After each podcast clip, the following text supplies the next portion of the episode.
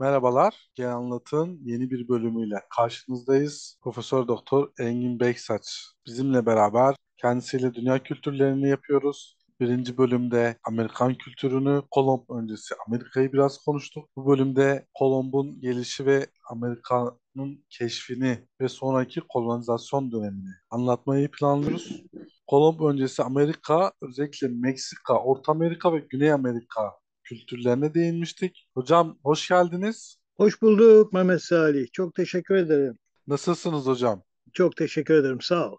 Sen nasılsın? Ben de iyiyim. Çok teşekkür ederim. Hocam bu ikinci bölümde Kolomb'un Amerika'ya gelişini konuşmak istiyorum. Daha sonra kolonizasyonun başlamasını konuşacağız ama Kolomb'un Amerika'da ne işi vardı, niye geldi, arka plan anlatmak istiyorum hocam. Christoph Kolomb 1492 yılında Amerikan kıtasını keşfediyor. Yanlışlıkla keşfediyor diyebiliriz. Çünkü amacı aslında Hindistan ve Çin'e ulaşmak, İpek ve baharat yollarına sahip olmak istiyor. Avrupa yeni bir yol e, bulmak istiyor. Sebebi de Osmanlı Devleti'nin o dönem Akdeniz'de hakim olması, Mısır'ı da ele geçirmesiyle beraber baharat yolunu ele geçirmesi, Kırım'ı ele geçirmesi, Anadolu'yu ele geçirmesinden ötürü de İpek yolunun kontrolü yine Osmanlı Devleti'nde. Dolayısıyla Avrupa'nın uzak doğuyla bağlantısı kesiliyor ve yeni bir rota arayışı başlıyor.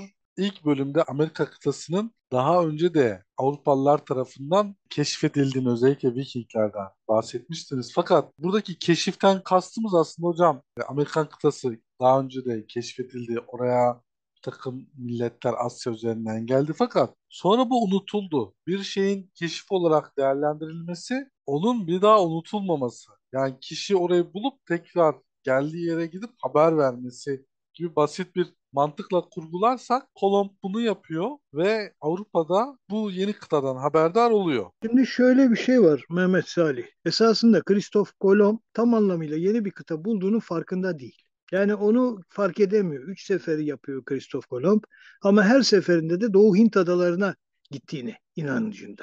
Bunu sürdürüyor. Esasında Amerika'nın farklı bir kıta olduğunu fark eden daha sonraki seyahatler. Özellikle Amerigo Vespucci. Yani o yüzden de Amerikalılara onun adı veriliyor. Yani Kolomb denmiyor.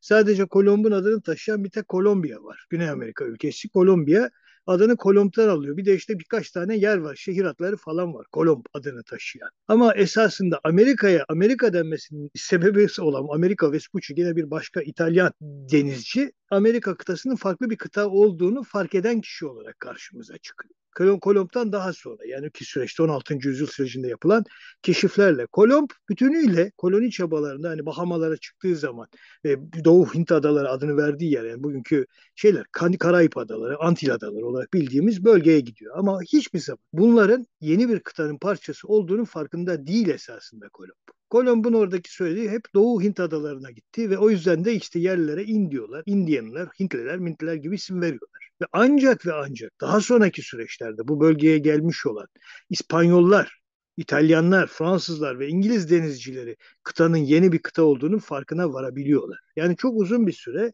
Avrupa'da Amerika'nın yeni bir kıta olduğunu fark edilmediğini görüyoruz. Yani yaklaşık olarak bir 20-30 sene bunun bir durumu var. Ondan sonra 16. yüzyıl içinde gelişen yeni bu konkistadorların Fatih yani İspanyolcasıyla Fatihlerin veya daha doğrusu işgalcilerin kıta üzerindeki çalışmaların artmasıyla birlikte, ilgisini çekmesiyle birlikte buradaki yeni kıtanın varlığı fark edilmeye başlıyor. Ve tabii yeni kıtanın fark edilmeye başlamasıyla birlikte Avrupa'nın saldırganlığı da artıyor ve bu bölgeye doğru yoğun bir akış başlıyor. 1492 esasında orada kritik bir şey. İlk defa Amerika'ya vardığı seferi Kristof Kolomb'un. Daha sonra üç sefer daha yapıyor Kristof. iki sefer daha yapıyor. Yani toplamda üç sefer dört şeylik bağlantısı var. Daha sonra oğlu falan sürdürüyor. Diğer denizciler sürdürüyor. Ama diğer denizcilerin özellikle yapmış olduğu seferler Kolomb'un seferlerinden daha farklı. Yani daha tecrübe edilmiş, denenmiş bir kıtaya doğru yöneliyor ve hemen ardından gelenler yani Hernando Cortes, Francisco Pizarro gibi kişiler denizci falan değil. Direkt olarak bunlar işgalci olarak geliyorlar ve hedeflerinde altın var. Yani özellikle Kristof Kolomb'un Karayiplere vardığı zaman ki çok azdır bu bölgenin altını. Burada altınları görmesiyle birlikte ana hedef altın ve maden sömürüsüne dayalı bir o özellikle karşılaşıyoruz. Yani Amerika kıtaların zenginliği çekiyor. Özellikle altın peşinde yoğunlaşan bir Avrupa saldırganlığı var. ve yüzyıllar boyu çok uzun bir zamanda İspanyol gemileri o özellikle bu altınları ve gümüşleri Avrupa'ya taşıyorlar. Ve bu altın ve gümüşün nedeniyle İspanya'nın 17. yüzyıldaki ekonomisi çok zirveye çıksa da üretimi düşüyor. Gelen altınlarla hazır yemeye alışan bir ülke haline geliyor ve 18. yüzyılda da İspanya'nın ekonomik açıdan batışını görüyoruz. Yani genellikle buna biyonist ekonomi falan adını veriyorlar. Böyle hazır yiyici bir ekonomi. Kolonilerinden gelen gümüşler, altınlar ve değerli madenlerle beslenen bir yapısı var. Esasında Amerika'daki yani özellikle İspanyolların ve Portekizlerin saldırmasında altın çok önemli. Ama bu altından en iyi payı alan kim dersen İspanyollar. Yani Portekizlilerin bu kadar fazla bir şey alıyor. Portekizlerin payına düşen bölgede biz bu kadar yoğun bir altın göremiyoruz. Daha sonra Fransızların düşen, eline düşen bölgelerde de bu yok. İngilizlerde de fazla bir altın yok. Yani hepsi altın peşinde ama daha sonra bunlar bambaşka olguları değerlendirmeye başlıyorlar. Özellikle mesela Fransızların bulunduğu bölgelerde kürk daha sonraki önemli bir nitelik taşımaya başlıyor ve bu kürk ticaretiyle birlikte İngilizlerin de aynı şekilde kürk ticaretine yöneldiğini görüyoruz. Ve hatta burada Hollanda da var işin içinde. Bir de bir süre Danimarka'nın falan da payları var ki Danimarka burada özellikle yukarıya doğru çıkış yapıyor. Yani Grönland gibi ya bir bölge Grönland tamam bugün bile Danimarka'nın kontrolünde olan bir yer. Yani diyeceksiniz Danimarka'nın burada ne işi var ama Danimarka işte Vikingler yoluyla bu bölgede hak iddia ediyor ve ele geçiriyor. Kanada üzerinde bu Kürt ticareti yüzünden çok uzun dönem Fransızlar ve İngilizler arasında çatışmalar var. Amerika Birleşik Devletleri topraklarında da biz yine aynı çatışmaları görüyoruz. Yani burada Fransızların da payı var. Yani bütünüyle İspanyolları göremiyoruz. İspanyolların bütün hedefi altın ve gümüşe dayalı bir saldırganlıkları var. Onun dışındaki bölgeler pek fazla ilgilerini çekmiyor İspanyollar. Ama işte diğer Avrupalılar payına düşen dışarıda kaldığı için onlar bambaşka kaynaklara doğru yöneliyorlar ve burada kolonizasyon faaliyetine başlıyorlar. Bunların hepsi bölgeyi sömürmek. Hatta bir dönem biz Rusları bile görürüz. Ruslar nerede varlar? Yani Ruslar şey Alaska'da. Şey tarafında, Pasifik tarafında varlar. Alaska bir dönem Rusların elinde kalıyor. Bunun dışında Aleut adalarını görebiliyoruz. Hatta bugünkü Kanada sınırları içinde kalan kuzeybatı kıyı topraklarında da biz Rusların da varlığını görüyoruz. Yani Ruslar bugünkü Oregon eyaletine kadar Birleşik Devletler yine bölgeyi kontrol altında tutuyorlar ve Pasifik'te uzun bir süre mücadeleleri var. Daha sonra şeyden Alaska'dan çekiliyorlar. Burada ikmal yapamıyorlar. Satın alacak Amerika Birleşik Devletleri. Amerika'ya satıyorlar. Yani orada Amerika'ya satıyor Ruslar. Çünkü çok büyük bir şey var. Sibirya var ellerinde. Lojistik olarak onlara fazla bir şey vermeyen, uğraştıran bir yer olarak Alaska'yı da elden çıkarıyorlar şeydeki Kızılderili savaşları var. Ruslarla mesela şey Kuzeybatı kıyıda ve Alevutlarla yapılan savaşlarda. Yani o da var. Burada savaşlar var. Yerli halklar sürekli olarak yeni gelenlerle devamlı bir mücadele hali var. Bu sadece şeyde değil yani İspanyolların hakim oldukları bölgelerde de Peru'da olsun. Mesela Peru'da 1532 tarihinde Francisco Pizarro'nun İnka devletini yıkmasıyla başlayan bir şey var bir orada İspanyol Krallığı adına oluşturulan bir şey var. Koloni merkezi var. Bir valilik merkezi vali, var. Vali olarak Tabii tabii kral adına orayı yöneten bir şey var. Tabii Bu o dönem vali bir devlet sahibi olmak gibi bir şey yani Amerika. Yani o kısmı. dönemde İspanya kralına bağlı ama yani bir yerde yarı otoritesine bağımsız gibi bir valilik bunlar. Yani bunların durumu çok enteresan. Bu Benim aklıma şey geliyor hocam bunlar Papa'dan alıyor ya el alıyordu kral Avrupa'daki. Biraz o bunlar da İspanya kralından el alıyorlar. Yani onlar İspanya kralı adına yönetiliyor. Yani Madrid'den gönderiliyor. O bir kesin. Fakat bir Tabii. de şöyle bir durum. Güney Amerika'da Portekizlilerle İspanyollar arasında sınırı Papa belirliyor. Bu sınırın doğusunda kalan toprakları Portekiz'e veriyor. Batısında kalan toprakları İspanya'ya veriyor. Diğer Avrupa devletleri dışarıda kalıyor. Özellikle bu protestan olanları tamamen gözden çıkarıyorlar ama Bunlar yine buralarda geliyor, üstleniyor. Mesela İngiltere olsun, Hollanda olsun bu noktada çok şey bariz bir Hocam şey onunla ilgili ben bir perspektif yine Hı-hı. bir arka plan çizmek istiyorum. Şimdi 1492 yılında Christoph Kolomb Amerika kıtasını keşfettiğinde ilk 1400... yolculuğunda ulaştığında de yani o keşfettiğinin farkında değil. E, değil evet. Amerika kıtası Kolomb tarafından ilk bulunduğu tarih Kolomb bunun farkında değil ama ilk seferi 1492. Evet. Bu tarihte bir de hocam İspanya İber Yarımadası'nda Endülüsler var ve bunlar da yıkılıyor değil mi? Son Endülüs Şimdi Granada düşüyor. 1492 İspanyol Birliği'nin sağlandığı süreçtir. Evet, yani Reconquista yani... hareketinin sona erdiği tarihtir. Oradaki şeydeki İberya Yarımadası'ndaki son Müslüman devleti de İspanyalı krallığına topraklarını terk ederek ayrılıyor oradaki yönetici. O tarih 1492 gerçekten ilginçtir Avrupa tarihi açısından. Yani Avrupa'daki birliğini sağlayan ilk devlet İspanya'dır. Yani milli kimliğe sahip bir devlet olmuştur İspanya.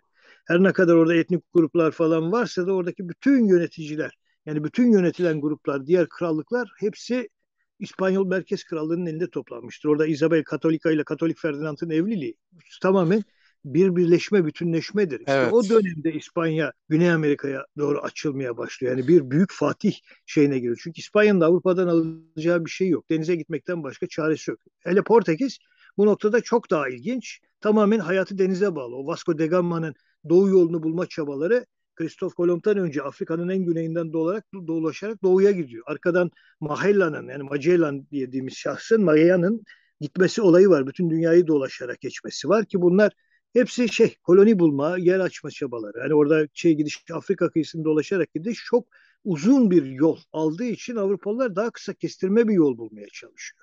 Kristof Kolomb'un amacı esasında o. Yani Kristof Kolomb'dan önce dünya üzerinde çıkan şey var. Vasco da Gama var. Portekizli amiral. Vasco da Gama Afrika'nın en ucundan dolaşarak doğuya gidiyor. Onu örnek alarak Kristof Kolomb direkt olarak yani batıya doğru gittiği takdirde şeyin Vasco da Gama'nın yolunu daha rahat alacağı kanısında. Yani onlar orada dünya üzerinde üç kıta olduğu kanısındalar. Hatta çok enteresan bir biçimde dünyayı tepsi gibi görenler deniz batıdan denizden uzay bo- şey, boşluğa düşeceğini falan zannediyorlar şey Kristof Kolomb. Ama Kristof Kolomb evet. orada şeye gidebileceğini, zengin adalara ulaşma hırsı onu büyük bir maceraya atıyor. Orada Aslında ilk başta gidiyor. hocam Portekiz krallığına gidiyor sefer için. Ama Portekiz'in kendi şeyleri var. Zaten yani, denizcileri var. Var. Kendi, kendi yolunu var ve yeterli istediği parayı verecek ekonomisi de pek yok o esnada Portekiz'in. Yani Portekiz'in Afrika'da bir sürü sömürgesi var. Bir sürü şeyde kurmuş olduğu sömürgeler var. O esnada Hint Okyanusu'nda Portekiz hakim. Bir yerde Kristof Kolombo batıya iten de Portekiz'in yolu tıkaması. Yani sadece Osmanlı değil. Bir noktada da Portekiz denizcileri kapatmış durumda. Yani Afrika'yı kolonileştiriyor Portekiz. Çok yakın tarihlere kadar Portekiz kolonisi olarak kalan şey var. Angola var, Mozambik var. Onun dışında Doğu Timor vardı. Bir sürü yer vardı. Portekiz bunları çok yakın tarihlere kadar koloni olarak, sömürgesi olarak yönetti. Sonra şey yaptı. O kapatmıştı şey yok. Evet evet. Yani Güney Ümitburnu değil mi? Ümitburnu. Ümitburnu dediğimiz Ümitburnu. yer. Evet. Tabii Ümitburnu. Papa dediniz dünyayı Portekizlerle İspanyollar arasında ikiye bölüyor. Ya tabii Ve... Güney Amerika'da onu belirliyor. Yani doğuda kalan topraklar Portekiz'e, batıda kalanlar İspanyollara bırakılıyor. Ve o, Brezilya hariç. Portekiz Brezilya'yı alıyor. Evet, Ama tabii evet. aradan kaçan şeyler var. Mesela bugün bile hala orada Guyan var. Orada mesela Guyan'da Güney Amerika'da üç tane farklı şey var. Bir Hollanda Guyanı, Surinam bugünkü adıyla Surinam, şeydeki Guyan, Fransız Guyanı ki hala Fransa ile bağlantılı. Fransız, Fransız Guyanı arası derler. Bir de İngiliz Guyanı var. İngiltere'nin Guyanı var. Yani onlar da oraya sıkışmış cepteki küçük devletler. Bir de adalar var. Adalarda da mesela Fransız adaları, Martinique, Guadeloupe gibi adalar Fransızların elinde şu anda da. Orada birkaç tane de ada Hollanda'nın adası. Yani hala şeyin önünde kalmış adalar var. Şey Orada var hocam, bütün... Arjantin ile İngiltere arasındaki Falkland adaları Onlar savaşı. daha sonra İngilizler tarafından ele geçiriliyor. Şeyler Malvinas adaları. Malvinas adaları evet. Tabii. Doğru. Şeyler ona Malvinas adını veriyor. Arjantinliler ona Malvinas adını vermekteler o adalara. E zaten biliyorsun çok yakın tarihlerde bile ciddi ciddi İngiltere ile Arjantin arasında Hala bir, bir düşmanlıkları var hocam. Bu hala da var. Hala var, da var. Hocam niye Papa Katolik dünyaya göz kırpıyor orada? Çünkü şöyle Çin'den matbaa Avrupa'ya gelmiş. Yine aynı tarih. Çok enteresan zamanlar. Gerçekten bütün o tesadüf değil yani her şey birbirleriyle bağlantılı. Matbaayla beraber baskı teknikleri Avrupa'da gelişiyor ve insanlar bilgiye daha hızlı ulaşıyor. Dolayısıyla İncil'in de e, Latince dışında baskıları yapıldıktan sonra kilisede reform talepleri oluyor biliyorsunuz Martin Luther. Şimdi evet. o süreç geçiş sürecidir. İlginç bir süreçtir. Yani çok ciddi şekillerde sarsılmaya başlıyor. Zaten daha önceki aşamalar var. Tam bu ya süreçte. Avrupa'da, Avrupa'da kendi arasında ikiye bölünüyor. Var. Yani İspanya'nın... Tam hemen kısa bir süre sonra zaten bölünüyor. İspanya'nın yani Portekiz'in reform hareketi. denizlere yönelmesi, Avrupa'nın çünkü kuzey tarafı artık protestan, doğu tarafı Tam o ortodoks. değil. Tam o esnada değil. Denize yöneldikten daha sonra protestan reform hareketi 16. yüzyılda kendini gösteriyor. 16. yüzyıl başından itibaren gelişiyor. Ve buna karşı mesela karşı reform hareketinin gelişmesi de daha ziyade 1555 falandır. Trent Konsili kararlarından sonra şekillenecektir karşı reform. Ve orada tabii Cizvit tarikatının falan çok büyük Tabii. rolü var. Yani şöyle hocam Avrupa yanacak orada. İnsanlar Hı hı. akın akın yeni dünyaya gidecek. Yani her şey Şöyle insanlar önce yeni dünyaya pek gitmek istemiyor. Evet. Önce gönderilenler şeyler çok fakir olan insanlar, suçlular falan gönderiliyor yeni dünyaya. Ön kolonize için. Daha sonra bunu İngiltere, Avustralya'da da yapıyor. Yeni Zelanda'da da yapıyor. Ama özellikle Avustralya'da yapacaktır aynı şey. Önce Amerika'ya gönderiyor. Bazı şeyleri, asilerini falan gönderiyor. Böyle bir durumu var. Yani Avrupa özendiriyor oraları ele geçirebilmek için yerli halkı yok edip onun yerine Avrupalılaştırmaya çalışıyor. Mesela bunu Hollanda'da yapıyor. Çok ilginç bir biçimde. New Amsterdam'da yani bugünkü New York'ta çok ilginç katliamlara girişiyor Hollanda. Bizim kesin kayıtlar var elimizde. Ve onun da çabası şey yapmak. Oraya bir Hollanda güçlü kolonisi yapmak. Fakat enteresan bir biçimde Hollanda New York çevresinde başarılı olamıyor. İngilizlere bölgeyi kaptırıyor. Yukarıya gidemiyor. Orada Fransızlar var. Aşağıda İngilizler var ve en sonunda bırakıyor ve şeye çekiliyor Hollanda. Yani daha ziyade Antillere çekiliyor. Orada birkaç tane hala şey var. Hollanda'nın kolonisi var ve ciddi ciddi hani Hollanda'ya bağlı koloniler.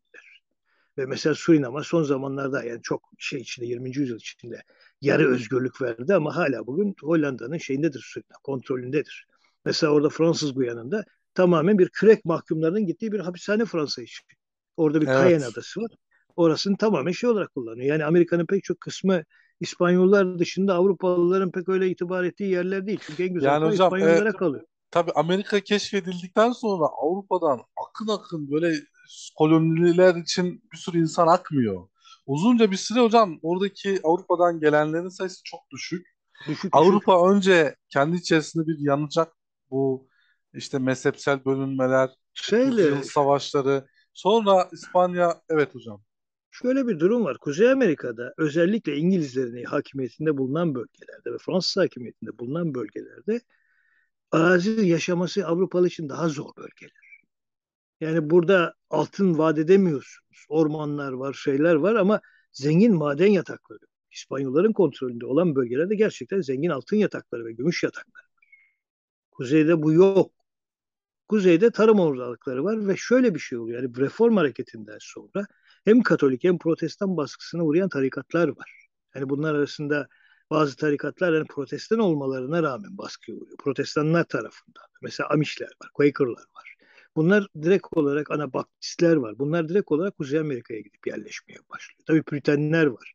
Püritenler de aynı biçimde Amerika'ya özellikle İngiltere'den yerleşmeye başlıyor. Yani yeni Bunlar bir protestan. başlangıç yapmak isteyenler. Yani bir yerde Avrupa'dan kaçış. Ama İspanyol topraklarının şeyi daha erkendir. Yani İspanyol topraklarına gönderilenler de çok enteresandır. Genellikle bugün mesela bu pek çok noktada görebiliyoruz.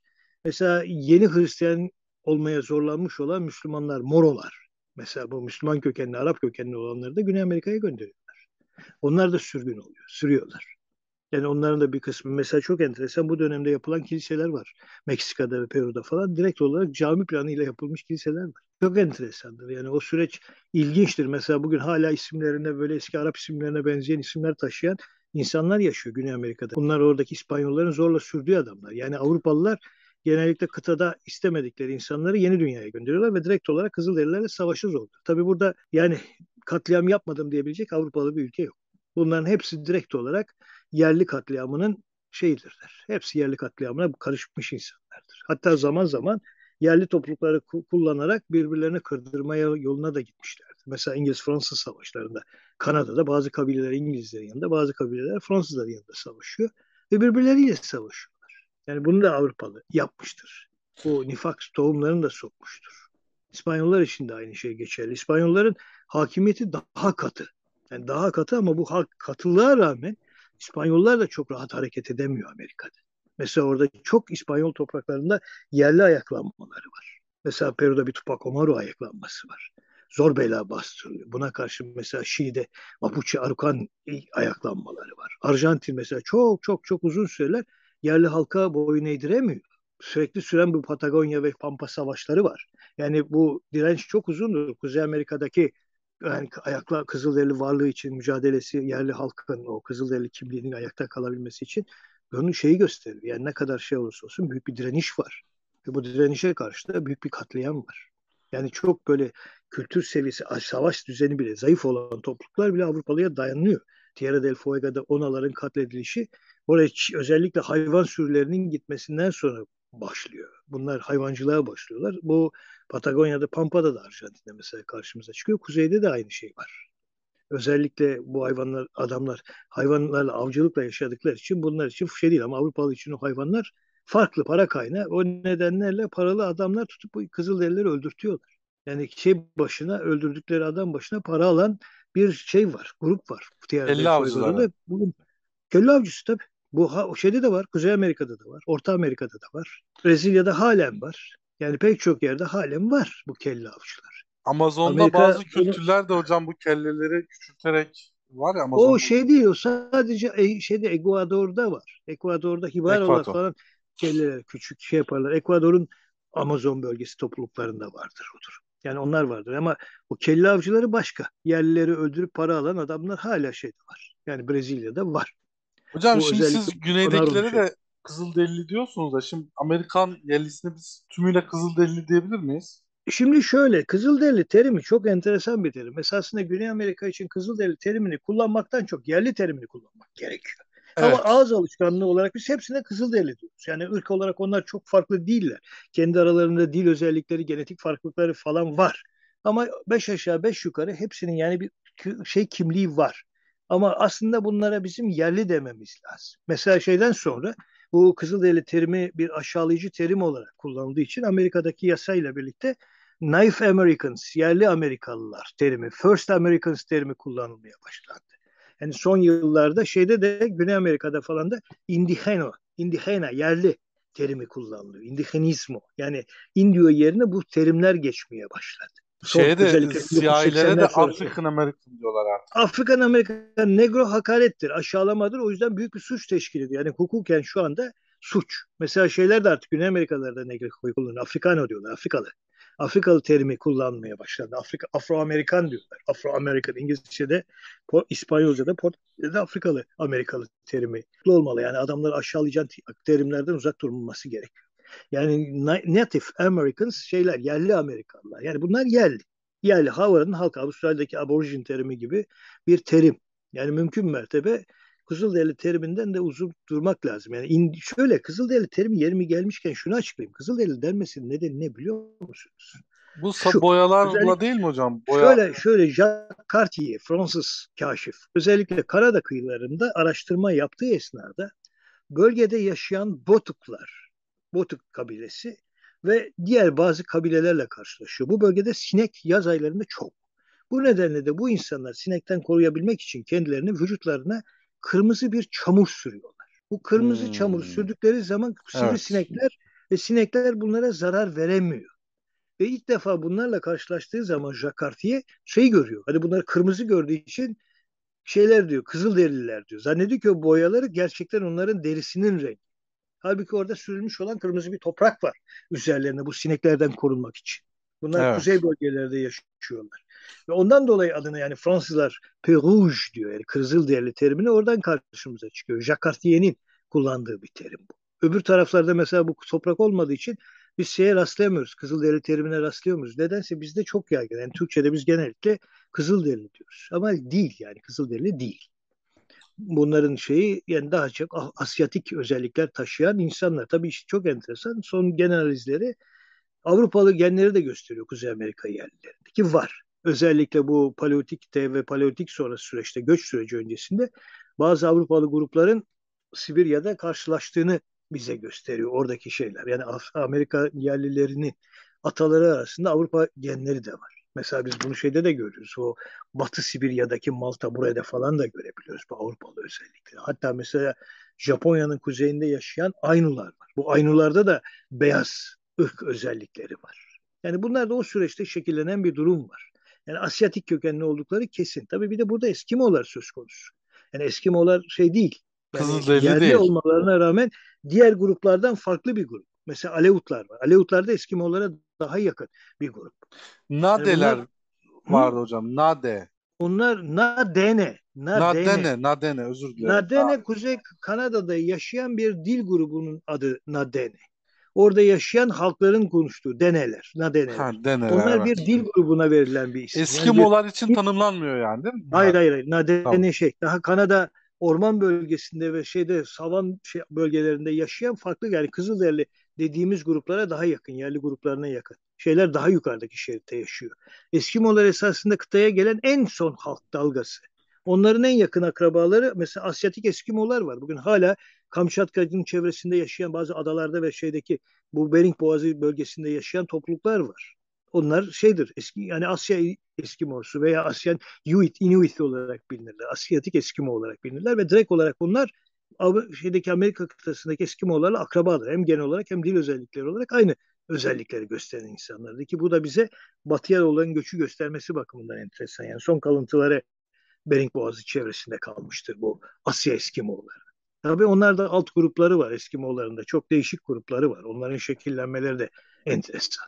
Yani... Peki hocam şeye dönersek şimdi Kristof Kolomb'dan sonra İspanyol Hı-hı. fatihler buraya geldiler ve İspanya burayı hızla kolonileştirdi. Çok Şehirler sayıda. Kurdu. Çok sayıda İspanyol var. Çok evet. sayıda. Valiler geldi değil mi? En, en sonlanı Orta Amerika'da Hernán Cortés. Cortés. Cortés çok ufak bir grupla geliyor. Azteklerin bölgesini ele geçiriyor. Herkesten der ki burada silahla falan. Orada yanında Kızılderili gruplar var. Başka topluluklar da var. Yani Azteklerin düşmanı olan, can düşmanı olan mesela Talahkalalar var. Bunlar da İspanyollara yardım ediyor. Yani esasında sanıldığı kadar İspanyollar öyle 300-500 kişi değil. Yanlarında başka Kızılderililer de var. Onlar yardım ediyor. Yani bir de tabii hiç ummadığımız bir şey var. İspanyolların lehine olan bir başka şey daha var. Hastalıklar. Özellikle evet. çiçek. Bütün Avrupalıların aradaki kıyımdaki en büyük hastalığı çiçek. Çiçek hastalığı. Bunun dışında Avrupa'dan giden başka hastalıklar da var. Ama buna karşın şeyde Amerika'da Avrupalılara bambaşka bir hastalık veriyor. Sifilis, frengi. Avrupa'da Aa, o frengi Amerika'dan mı geliyor hocam? Amerika'dan geliyor. Amerika yerlileri frengiye karşı bağışıklık kazandığı için bir şey durumu olmuyor. Ama Avrupalılar çok büyük kırım yapıyor. 16. 17. yüzyılda frenginin evet. büyük katliam var şeyde. Ama çiçek hatta nezle grip bile Kızılderilileri yok ediyor. Yani Avrupa, Amerikan yerlileri. Bugün bile mesela Amazon'da bir nezle hastalığından ölebiliyor insanlar. O yüzden Avrupalıları bazı yerlere sokmuyorlar. Hiç bağışıklıkları yok. Yani bizim Covid olayında rastladığımız olaya benzer. Mesela artık bizim için çok basit olan bir nezle şeydeki Amerikan yerlilerinin ölümüne neden olabiliyor. Yok çünkü bağışıklık. Ama Hocam, buna karşın Avrupalıların Avrupalılarında bağışıklığı olmayan hastalıklar var ki onlar da Avrupalıları kırıyor. Yani iki kıtanın karşılaşması sadece şey değil. Karşılıklı yani bir kırılma oluyor yani. Tabii. Tabii, Hocam tabii, tabii. İspanyollar altın ve gümüşü alıyor. Sonra Fransızlar... Yüzyıllarca yani özellikle 1821'e kadar İspanyollar Güney Amerika'da varlar. Bir koloni imparatorlukları var. O tarihte işte ayaklanmalar başlıyor. Özellikle Simon Bolivar çok önemli evet, bir isim. Bolivar, evet. Başlıyor. Onun dışında O'Higgins var. Başka yöneticiler var. Generaller var. Bunlar İspanyolları yenip Güney Amerika'dan atıyor. Tabii yukarıda da şey var. Başka şeyler var. Juarez var. Benito Juarez falan var orada da. Yani böyle önemli liderler var. Bunlar da şeye son veriyor. Oradaki İspanyol hakimiyetine. Hatta bir dönem Meksika'da Fransızlar bir Avusturyalı kişi imparator ilan ediyorlar. Maximilian. Bu Avusturya imparatorunun kardeşi. Fakat bu Meksika ayaklanmasında bu Maximilian'i yenip kurşuna diziyor şeyler. Tabii Maalesef. evet biliyorum ben hikayeyi hocam. Yani 19. yüzyılda şekillenen yapısı yani çok çalkantılı uzun bir bağımsızlık süreci var Güney Amerika'da. Hocam bir de şey dedi ilk bölümde bahsetmiştik. Şimdi altın gümüş bitiyor ama sonra Hı-hı. bir tarım şeyi başlıyor. Tütün mesela. Şimdi şöyle tütün Çay. Amerika'dan tütün Amerika'dan özellikle tütün Orta Amerika'dan çok Kuzey Amerika'da yaygın. Ve tütünü mesela çay şeyden geliyor. Çay Amerika'dan gelmiyor. Amerika'dan gelen bitkiler arasında özellikle bizim bugün mutfaklarımızı besleyen en önemli kaynaklar var. Domates. Amerika. Domates. Evet. Domates Amerika'dan geliyor. Kabak Amerika'dan geliyor. Fasulye Amerika'dan geliyor. Mısır Amerika'dan geliyor. Mesela Amerika'da buğday yok. Pirinç de yok. Onlarda mısır var. Bugün bile hala pek çok ülke mısır tüketerek. Yani kıtaya gelenler yeni bir tarım şeyi Tabii tabii tabii yeni bitkiler. Mesela onun dışında patates. Patates de şey. Patates de Amerika'dan gelmiştir. Bölümde. Evet. Yani eski dünyalarda darı var. Ama bugün artık biz darıyı kullanmıyoruz.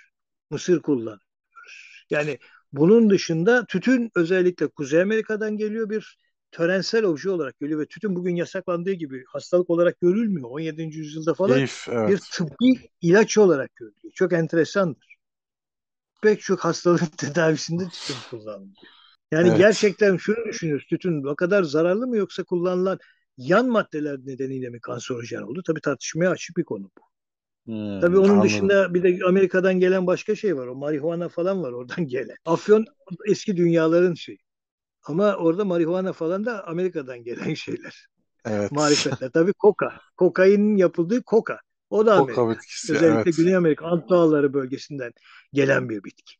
Enteresan yani pek çok şey Amerika Hocam şimdi kökenli. ilk keşfed mesela medeniyetlere de baktık. Genelde hı. Orta Amerika bölgesi dediğimiz o dar alanda Şimdi medeniyetler var. şöyle Sonra İspanyollar güneyden ve Orta Amerika'dan daha sonra Amerika'nın kuzeyi değerli hale geliyor. Özellikle İngiliz, Amerika yok Devletleri Amerika'nın kuzeyi değerli hale gelmiyor. İspanyollar bölgeye hakim olduğu için yeni gelenler mecburen kalan bölgelere gitmek zorunda kalıyor. e, oraya sokmuyor İspanyollar. Tabii İspanyollar şey bugünkü mesela Amerika Birleşik Devletleri'nin güneyindeki Texas, güneybatısındaki Arizona, Kaliforniya, New Evet. Mexico. Bunlar hepsi İspanyolların elinde olan topraklar. Zamanla Amerika bunlar İspanyollardan. General Santa Anna zamanında yapılan savaşlarla Rio del Grande'ye kadar Meksikalıları topraklarını ele geçiriyor Amerika. Yoksa oralarda İspanya'nın toprakları. Florida, İspanya'nın toprağı. Yani o yüzden hocam günümüzde de bir Latin dünyası ve Anglo-Sakson dünyası diye ikiye Yani ayrılmış illa bugün durumda. hala şey var. Bugün hala mesela Güney Amerikalılar Yankee diyor. Yankee, Amerikalılar. evet doğru. Yankee. Yani Yankiler. bir dışlama var. Yani bir Latin Amerika var, bir Anglo Amerika var. Bir de araya sıkışmış böyle birkaç tane Frankofon Amerika var. Neresi? Kanada'da Quebec bölgesi. Bir Kanada'nın de evet. Haiti adası. Haiti mesela Fransızca konuşur. Haiti Fransızca konuşur. O da Fransız bölgesi. Bir de işte o Guyanlar'da farklı diller konuşuluyor. Antillerdeki adalarda da biz mesela farklı dilleri görebiliyoruz. Ama ağırlıklı olarak İspanyolca. Yani İspanyolların hakim olduğu bölgeler çok geniş.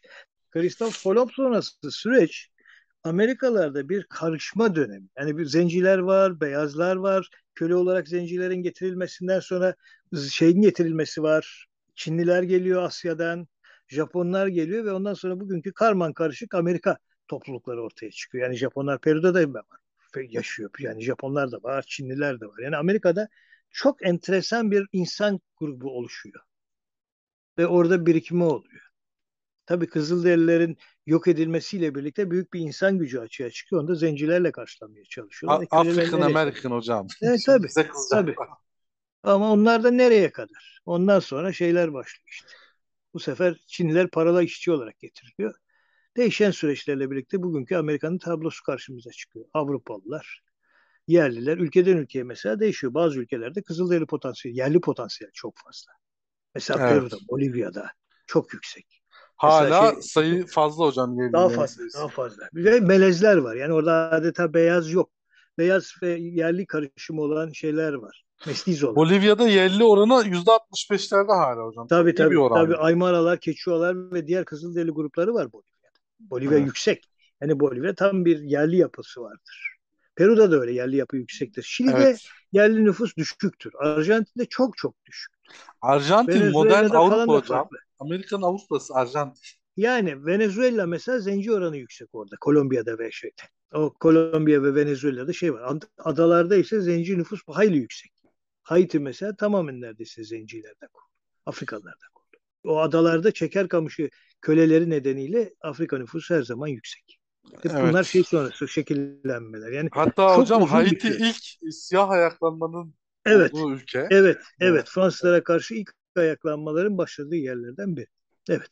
Hocam bu ilk bölümde Amerika kıtasını Kolomb öncesi kültürleriyle konuştuk. İkinci bölümde Kristof Kolomb'un gelişi, Hı daha sonra değişen Amerika'yı biraz değindik e, konuları. e, Yaklaşık 500-600 yıllık bir koloni süreci. Yani 300 seneden fazla süren bir süreç. Yani 1500'lerde başlayıp 1820'lere kadar giden hatta bazı yerlerde daha sonraki süreçlere giden bir süreç bu. Evet hocam çok, bunları şimdi ülke bazında değerlendirerek konuşacağız. Genel bir Amerika perspektifi çizdik hı. bölümde. Çok teşekkür ederim hocam. Ben teşekkür Bir ederim. dahaki Sağ olun. bölümde belki Amerika Birleşik Devletleri'nden başlarız. Tamam. Çok teşekkürler. İyi akşamlar. Anlat'ın e, ikinci bölümünde Amerika Birleşik Devletleri'nin kolum sonrası konuştuk. Bir dahaki bölümde görüşmek dileğiyle. Hoşçakalın.